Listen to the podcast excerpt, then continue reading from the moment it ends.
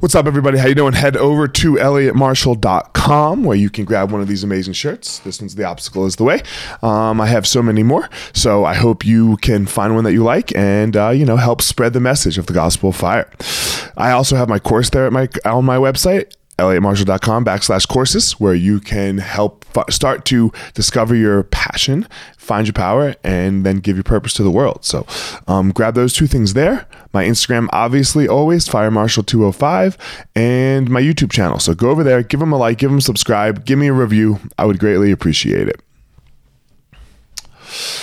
So, guys, this week, I hope you're all well, and I hope you're all happy, and you've had a uh, a great weekend.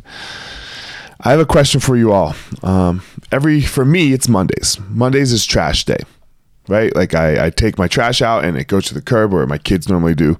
Um, they're still on vacation, so I have to do it this week.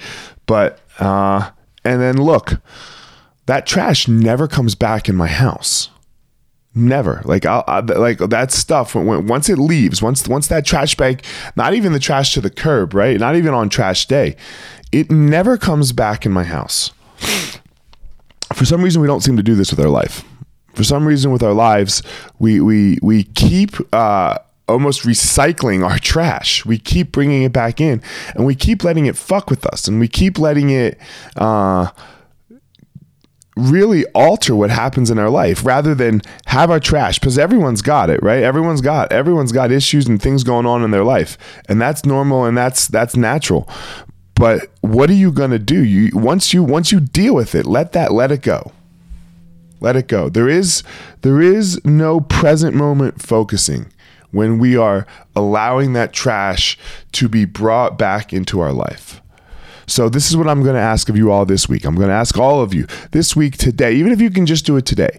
Don't let the shit from yesterday touch today. Don't let the shit that you dealt with from yesterday touch today. And then when you get to Tuesday, don't let the shit from Monday fuck with Tuesday. You dealt with it already. You dealt with it, it's over, move on. Discover your passion, find your power, and then go give your purpose to the world.